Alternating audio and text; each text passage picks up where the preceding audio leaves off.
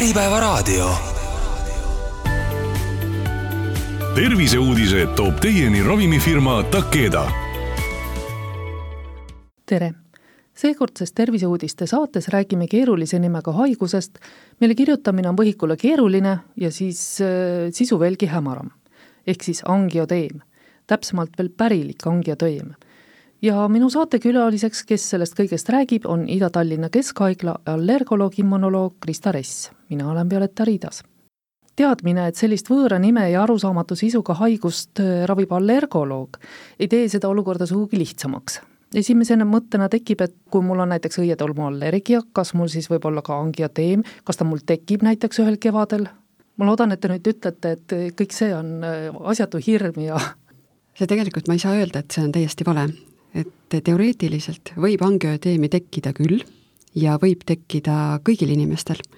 aga kuna angioedeemi on kahte sorti, siis ühe puhul me suure tõenäosusega ei pea ennast ka väga üle muretsema. et angioedeem võib olla allergia korral, aga võib olla ka kaasasündinud äh, immuunsüsteemi defekt. ja need on natukene erinevad angioedeemid, mistõttu neid on üsna kerge eristada mm. -hmm. aga kuna me räägime harvikhaigusest, siis kas see allergia puhul tekkiv ei ole harvikhaigus ja see teine on või, või kuidas see vahe tuleb?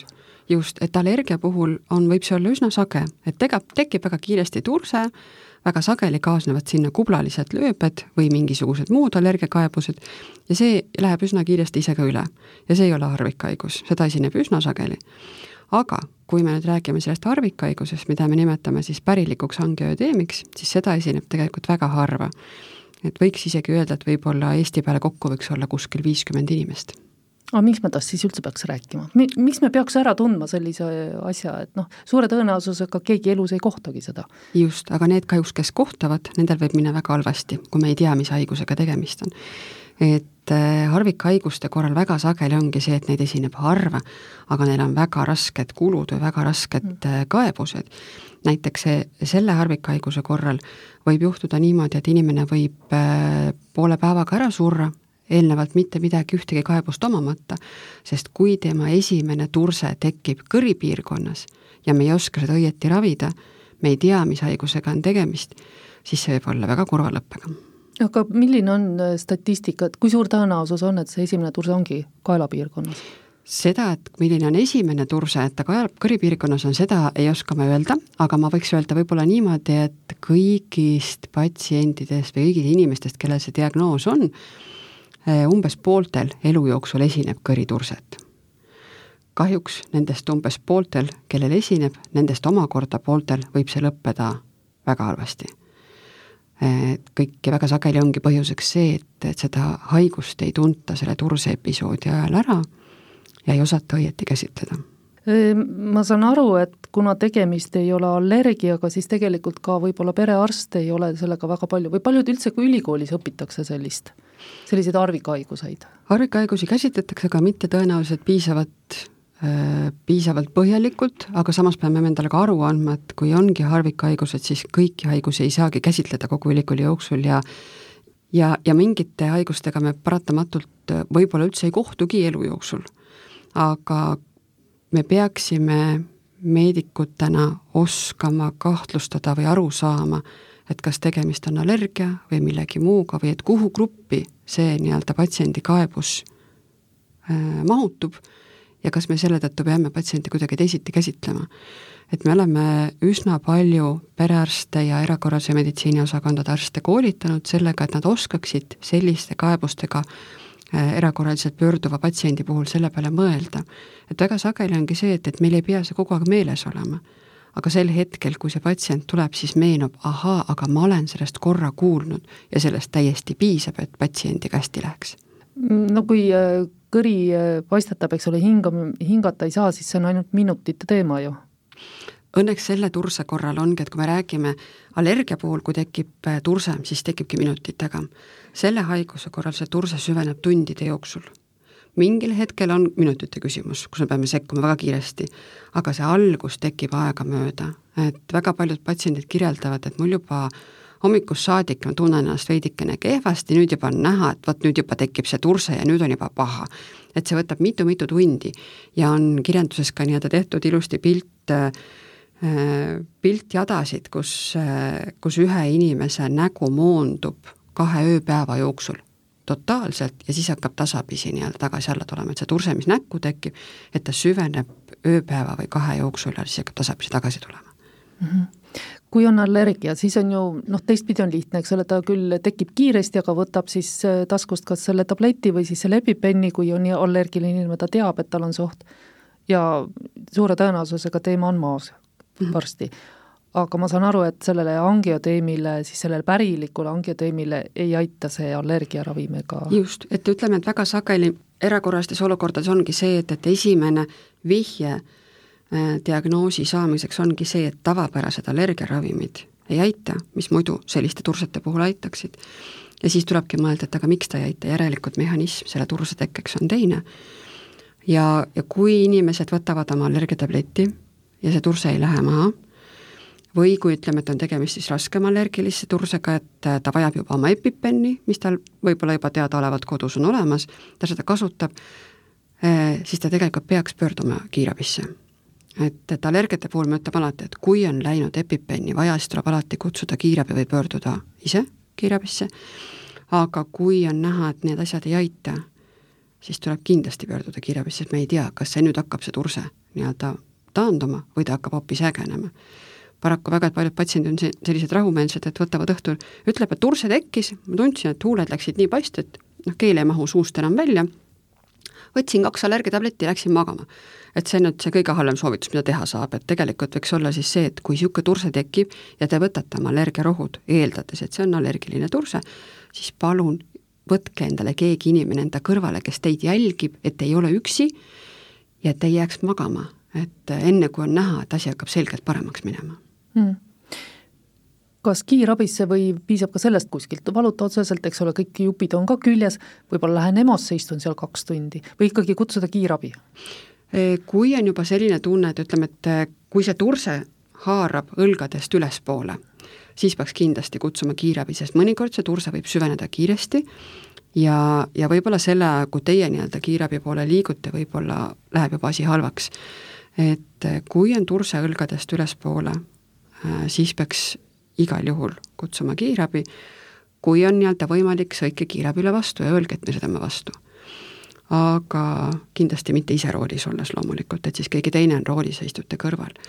kui meil on tegemist siis selle nii-öelda harvikhaigusega, kus ei ole tegemist allergilise reaktsiooniga, siis tegelikult peaks minema ikkagi haiglasse, sest et see turse süveneb tundidega ja ta võib olla praegu nii-öelda ägenevas faasis ja tunni-kahe pärast on asi oluliselt halvem, aga kui ta oleks saanud kaks tundi varem ravimi, mis teid aitaks, siis see läheks juba üle.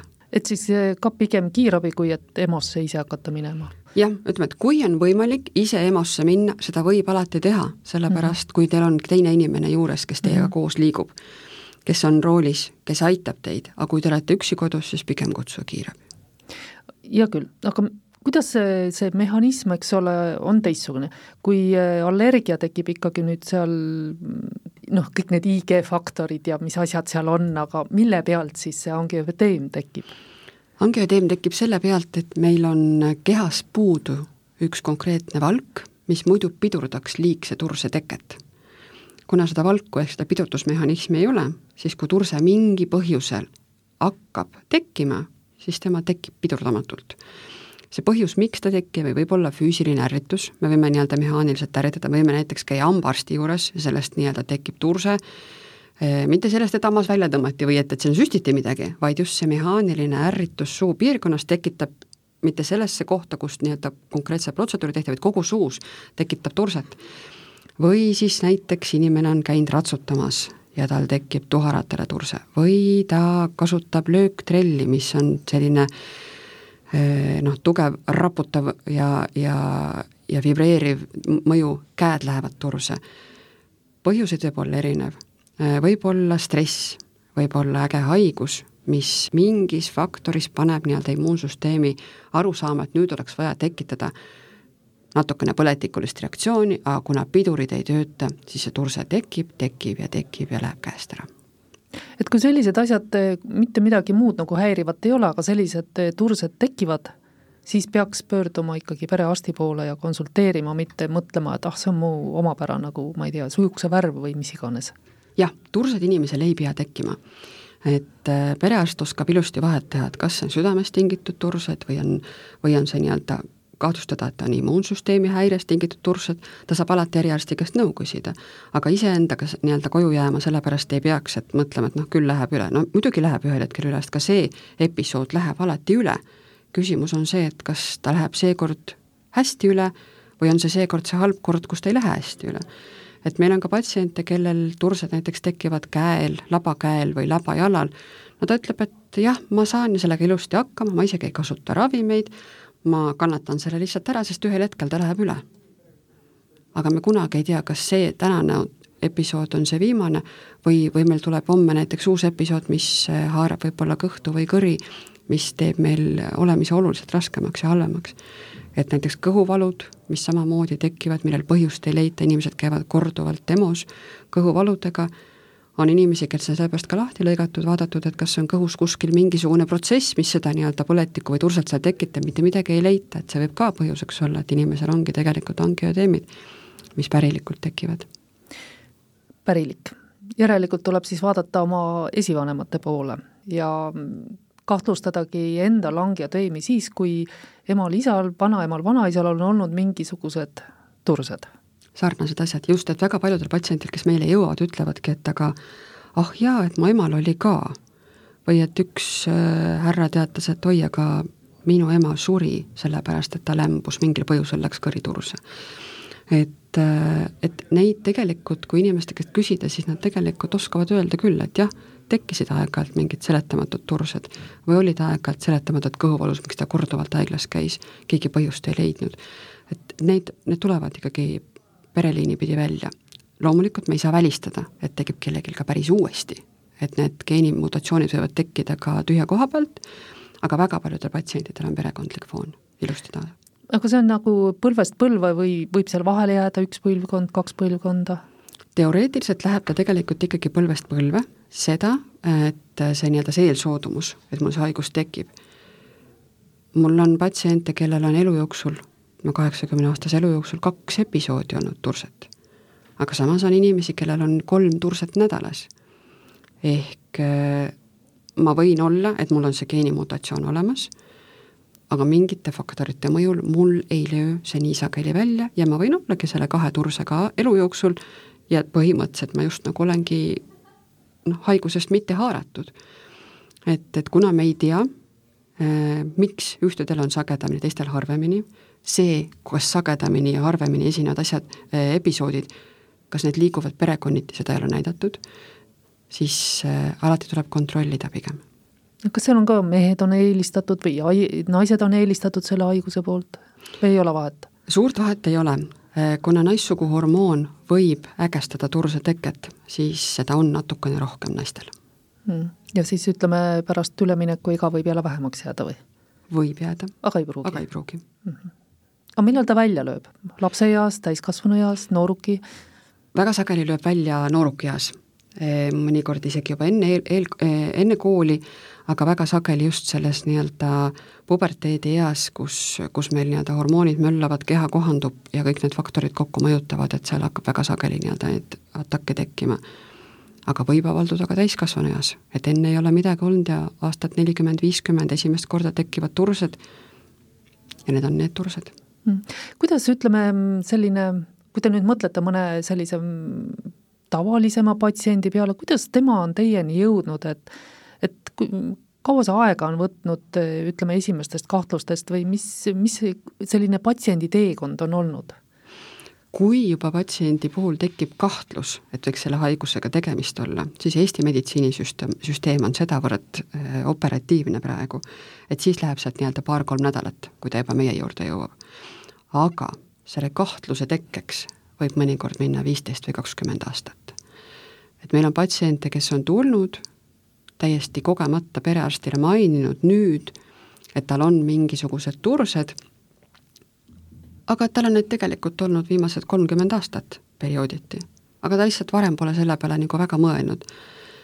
ja, ja ongi kolmkümmend aastat ooteaega, et läks lihtsalt hästi, et tal ei olnud ühtegi väga ebasoodsat turset selle perioodi jooksul noh, huvitav, mis see pani teda nendest viimastest tursetest siis üldse rääkima? ta oli lugenud kuskilt, et niisugused tursed ei ole okei okay. selge, ikkagi nagu hariduse häda oli jälle. just, et eh, väga sageli inimestele, inimesteni jõuavad need, et kui nad loevad, ühel või teisel põhjusel satuvad lugema.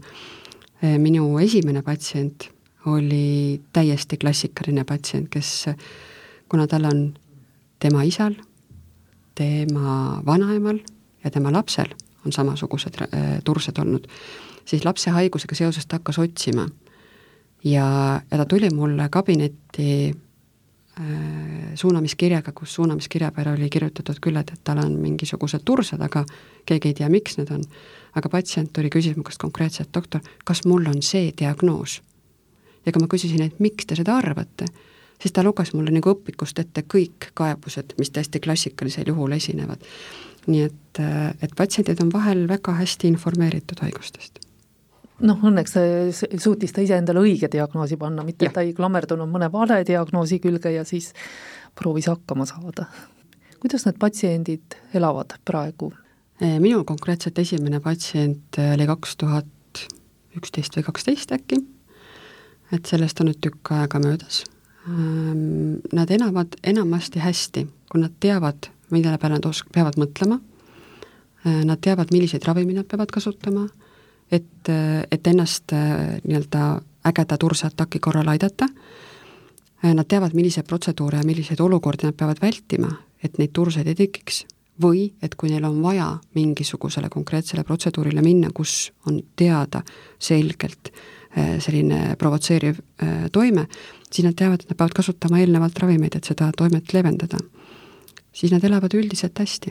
no palju nad käivad teie juures visiidil, aastas üks-kaks korda? sõltub patsiendist, mõni käib aastas kaks korda, et lihtsalt poole aasta jooksul korra vaadata üle, et kõik oleks hästi, et oleks kõik ravimid olemas, e, mõni käib kord kuus. aga põhimõtteliselt mm, ikkagi nii päris ei ole, et kui te patsienti näinud ei ole, et siis te lihtsalt pikendate retsepti? et see ei, ei ole selline haigus?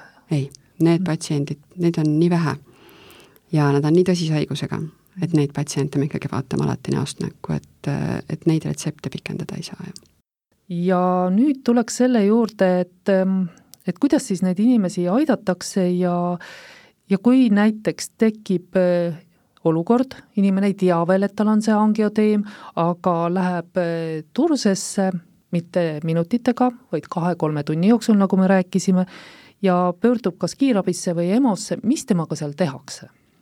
Angioteemi tekkel äh, kiirabis tavaliselt käsitletakse patsienti ikkagi lähtuvalt sellest, äh, mis on tõenäosam. ehk et esimeses äh, voorus proovitakse seda angioteemi saada kontrolli alla allergiaravimitega, mis on kõige sagedasemad angioteemi tekitajad, ja allergiaravimitega kui ei hakka turse näitama alanemise tendentsi, siis vaadatakse üle ka muud faktorid et, et mis on need põhjused, miks turse tekkis.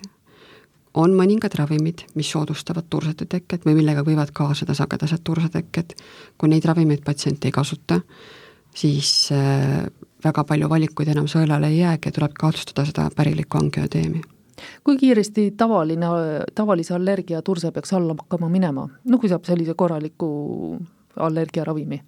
Piisava doosi. õiges, õiges annuses manustatud äh, õiged ravimid võiksid võib-olla juba poole tunni, tunni või pooleteise pealt näidata juba, et turse hakkab alanema.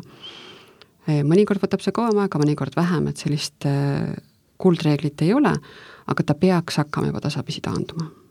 ja kui selle ajaga ei lähe, siis hakatakse vaatama edasi, et just, mille seda. just kui ei lähe nii halvasti ja ta jõuab ennem teie juurde perearsti kaudu, siis mis, mis teie teete sellise patsiendiga?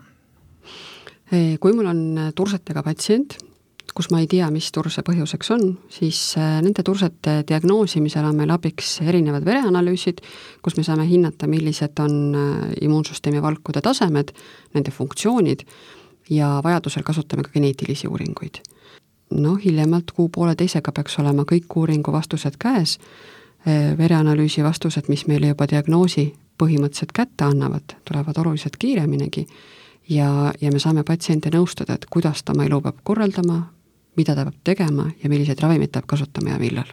ja kui nüüd lahti rääkida kõik see, need, need punktid, et kuidas ta peab elama ja oma elu korraldama, siis kuidas see välja näeb? tavaliselt me jah, arutame temaga läbi tema igapäevase nii-öelda elu ja töö, et tema töö ei oleks selline, mis võiks olla selliseid turseid provotseeriv, et mõni ametiala ei sobi sellisele patsiendile. näiteks?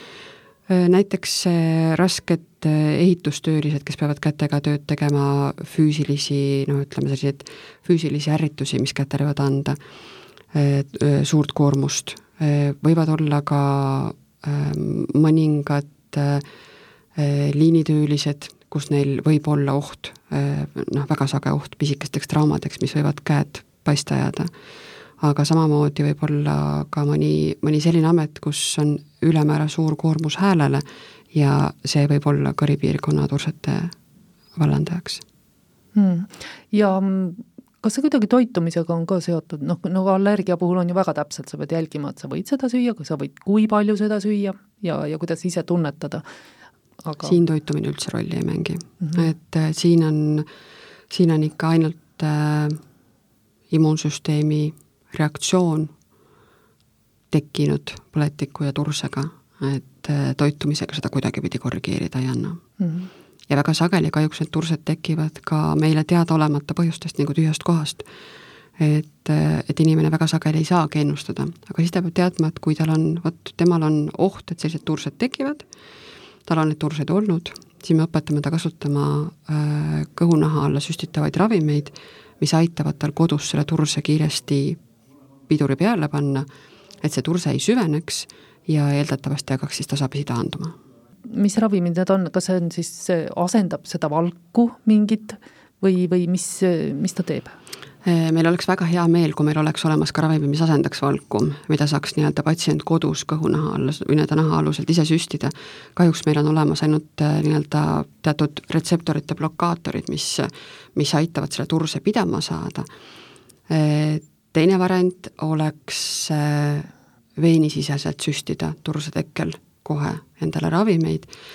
Äh, Poola, Poola ja patsiendid ja Kesk-Euroopa patsiendid suuresti teevad, sest neil muid valikuid väga võib-olla ei olegi, aga Eesti inimene ei kipu iseendale veinikanüüli panema ja iseendale veiniravimit tegema sel hetkel, kui tal turse tekib et ma natuke isegi mõistan neid, ma tõenäoliselt ise ka ei tahaks seda teha, et kui sul on kodus keegi teine, kes seda sinu eest teeb, siis on see väga meeldiv aga iseendale on see suhteliselt selline tõsine ettevõtmine.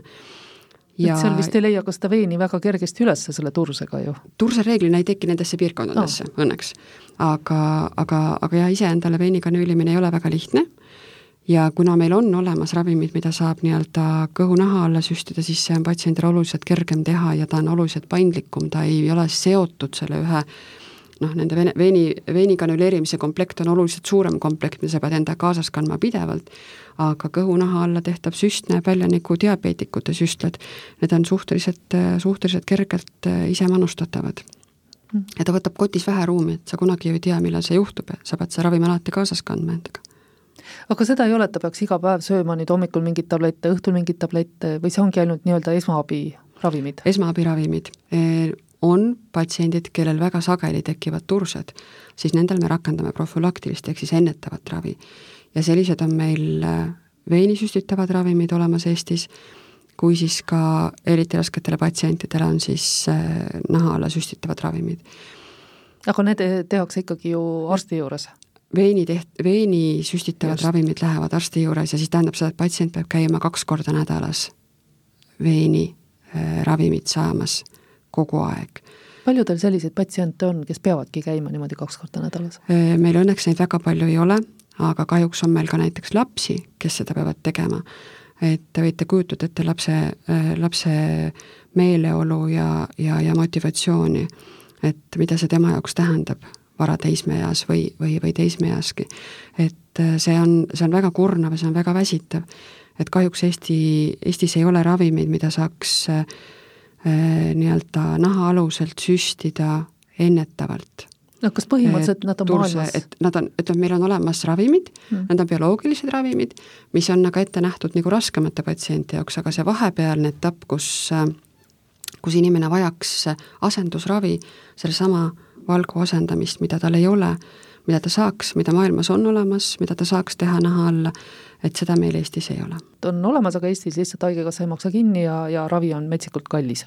seda meil Eestis jah, hetkel ei mm ole, et äh, nüüd need patsiendid, kellele ka see veinikaudne ravi ei ole head efekti andnud, või kellel mingil põhjusel me veini kaudu ravi teha ei saa, siis nende jaoks meil on olemas bioloogilised ravimid, mis on veel metsikumalt kallimad ja, ja, ja neid nad saavad siis tegelikult süstida kodus ise, kord kahe nädala või kord nelja nädala tagant, vastavalt haiguse haiguse raskusele mm,. Nojah, aga seal on jälle see, et nad peavad vist olema peaaegu ise apte-, apteekrid, et suuta seda kõike seda logistikat ja, ja, ja et oleks õiged temperatuurid ja vist sellised probleemid on no, ka. eks ta natukene ikka tüsilik on patsiendi jaoks mm., aga, aga kui sa juba oled nii raskelt haige, et sul on seda süsti vaja, siis nüüd kõik see ülejäänud on nende jaoks noh, nii peaaegu et naljamäng, et peamis, peaasi, et on olemas ravim, mis hoiab ära selle raske turse tekke. et inimene, kellel muidu tekib kolm korda nädalas tursed või kaks korda nädalas turseid, isegi kolm korda kuus on siiralt liiga palju, et, et need inimesed on väga motiveeritud ennast ravima ja ennast aitama. Neil tekivad siis äh, ülekehanad või mingitel üksikutel jäsemetel või, või tavaliselt need tursed tekivad ühel kehapoolel et nad ei peegelda kahte poolt, et kui allergilised tursed näiteks tekib, et sul on mõlemad käed paistes või mõlemad silmad paistes, kogu nägu paistes, siis sellel selle turse vormi puhul võib olla tõesti see, et pool näost on paistes, ühel käel on labakäsi paistes või et äh, üks jalg on paistes. Ta võib olla täiesti ainult ühte keha poolt ja võib-olla ainult üks sõrm on paistes. Aga, aga see turse püsib kaua ja ta on väga häiriv seal on äh, valudega on see ka seotud või, sest noh, et kui paiste läheb, siis ju hakkab vist suruma peale ka. siis on valus mm -hmm. ja aga liigesevaluga ja... ei aja teda sassi päris? päris ikka ei aja, et selles mõttes liiges valutab ja siis liiges on tavaliselt lihtsalt punetav ja valus ja kuumab, aga, aga selle puhul on see nahk üsna niisugust nahavärvi, aga ta on lihtsalt turses, ta on tihke, ta on valus. kõige suuremad valud nüüd, kui nüüd kõripiirkonna tursed välja, et kõige suuremad valud ongi need inimesed, kellel tekivad kõhuatakid, kus kõhus soolestikus limaskest läheb paista. et see on päris valus ja väga ebameeldiv et inimestel võib olla öö, oksendamisi, võib olla iiveldusi, võib olla kõhukinnisusi, näeb välja nagu kirurgilist sekkumist vajav kõht, aga, aga tegelikult ta ei vaja seda, jah no ma arvan, et tänapäeval juba ikka suudetakse ennem lahtilõikamist juba välja selgitada, et, et kõiksugu piltide ja asjadega ju. mitte alati mm., mitte alati kahjuks jah, et äh, see on selline salakaval ja halb haigus, mis äh, mis võib seda kõhtu ka piltide peal näidata täpselt sellisena, nagu seal oleks mingi äge põletik selles kohas, kus seal see turse on tekkinud.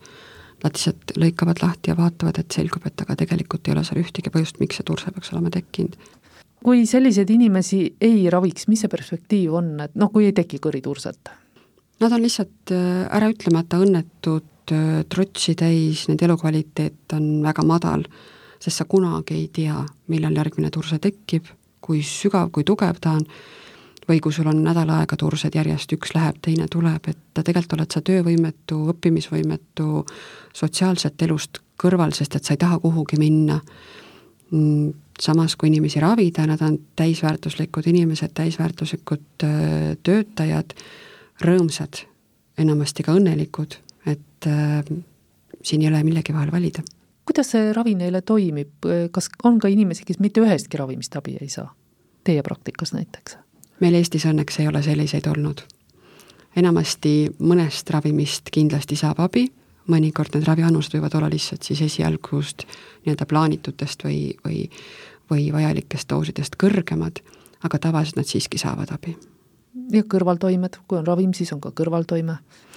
Nende eest ei kaitse meid kunagi keegi mm. -hmm. aga millised need on, on nad nagu noh, osadel on ju hullemad kõrvaltoimed, teistel on kergemad? Äh, nendel ravimitel, mis hetkel Eestis on äh, regi-, noh, ütleme registreeritud ja mis on näidustatud haiguse raviks, ei ole tegelikult selliseid kõrvaltoimeid, mis meid äh, takistaks neid ravimeid kasutamast või, või nende või mis, mis kaaluksid üles ravist saadava kasu et kõrvaltoimed on reeglina väikesed, et kui näiteks, kui me mõtleme selle peale, et inimene peab manustama midagi kõhu-naha alla, süstima, siis äh, paiksed kõrvaltoimed võivad olla punetus, sügelus, turse, ebameeldiv tunne, äh, kui ravimit manustatakse valesti, siis võib tõesti juhtuda probleeme, aga, aga patsiendid õpetatakse välja, et nende ravimeid manustaksid õiesti. ja, ja veini tehtavad -hmm. ravimid samamoodi, et äh, kui on juba haigus ja kui me asendame midagi, mis tal on puudus, siis ta reeglina ei anna kõrvaltoimet et midagi hullu ju iseenesest ei ole, millega ta peab veel arvestama, et üldjoontes mitte mm, -hmm. ta peab ikka arvestama sellega, et kõiki neid turusetakke peaks ravima, et ta elu mm -hmm. oleks võimalikult hea, võimalikult hea kvaliteediga, et nad ei hoiaks ennast tagasi, sest et Eesti inimene on säästlik ja kokkuhoidlik, et aga äkki mul seekord läheb üle. aga äkki ei lähe jah, kuidas on maailmas need uuringud, et kui palju üldse mm, uuritakse võimalust, noh, harvikhaigused ju tekitabki, et miks peaks üks ravimifirma tahtma üldse sellega tegeleda, eks ole, ja nii edasi, no teadlastel on lihtsalt huvi kõike maailma parandada ja huvitavaid molekule otsida, aga milline on näiteks selle konkreetse äh, haiguse ravimite perspektiiv, et kui palju neid üldse arendatakse praegu, palju uuritakse uusi võimalusi? jah, õnneks on olemas äh, ravimifirmad, kes on äh, need harvikhaigused endale rohkem nagu südameasjaks teinud ja, ja õnneks on neil huvi neid uurida et äh, on olemas äh, uuritud, tehtud uuringuid äh, ravimitele, mida saab tõesti inimene noh, rohkem sõltumatult meditsiiniasutusest teha, et on nii nahaaluseid ravimeid kui ka tegelikult tabletikul ravimeid, mis aitaksid ära hoida selle turse teket, et mida vähem invasiivne on ravimi manustamine, seda, seda meeldivam on ta tegelikult ju patsiendile, seda vähem ta peab olema seotud haiglaga. Aga, aga, aga nende ravimite hinnad kahjuks on jah, väga sageli väga kallid, et äh, me ei räägi siin sadadest, me räägime siin tuhandetest eurodest ühe ravidoosi kohta, et äh, selles mõttes äh, ma saan ka väga hästi Haigekassast aru, et me ei saa kõiki ravimeid Eestis nii-öelda kättesaadavaks teha, aga peame tegema nii-öelda need valikud, mis oleks meie patsientidele, teeksid elu lihtsamaks, mis teeks nad nii-öelda sõltumatuks haiglatest ja, ja annaks patsiendile nii-öelda võimalusel tagasi tema kõrge elukvaliteedi.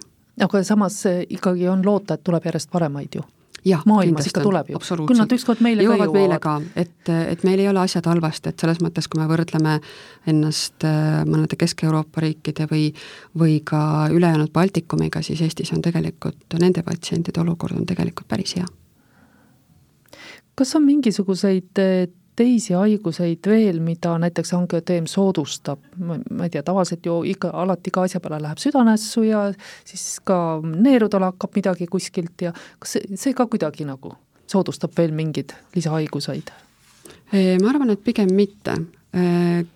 teiselt poolt peab ainult arvestama sellega, et kui inimesel on kroonilised haigused foonis, siis iga uus haigus võib nii-öelda eelmise haiguse tasakaalust tasakaalu tagasisaamist oluliselt halvendada, et mida rohkem on inimesel hai-, kroonilisi haigusi, seda raskem on tema kulg reeglina. seda raskem on leida talle ravimeid ühel või teisel puhul. Ähm, ja näiteks on angioteemiga patsientidel on, on mõningad ravimid, mida nad ei tohiks üldse kasutada, sest et need võivad soodustada angioteemide teket. et selles mõttes äh, on olukordi, millega peame arvestama, aga õnneks mitte selliseid, mis takistaksid Äh, takistaksid nii-öelda ravi tegemist. meil hakkab kohe suvi, kohe läheb soojaks. ma, ma täitsa kohe usun, et nüüd läheb kohe soojaks, aga kui selline inimene angioteemiga või siis kellel kahtlustatakse angioteemi, mis iganes, tahab minna kuskile nii-öelda üksikule saarele, kus on noh, tuleb torm peale ja kiirabiga on nagu on, et kuidas tema peaks nagu valmistuma selleks? Kui meil on patsient, kellel me kahtlustame seda tüüpi angioteeme, siis selleks ajaks, kui tema juba see kahtlustuse on saanud, on tema saanud endale ka esmaabiravimid. et äh, sellistel juhkudel on alati tähtis see, et inimesed oma ravimeid kaasas kannaksid.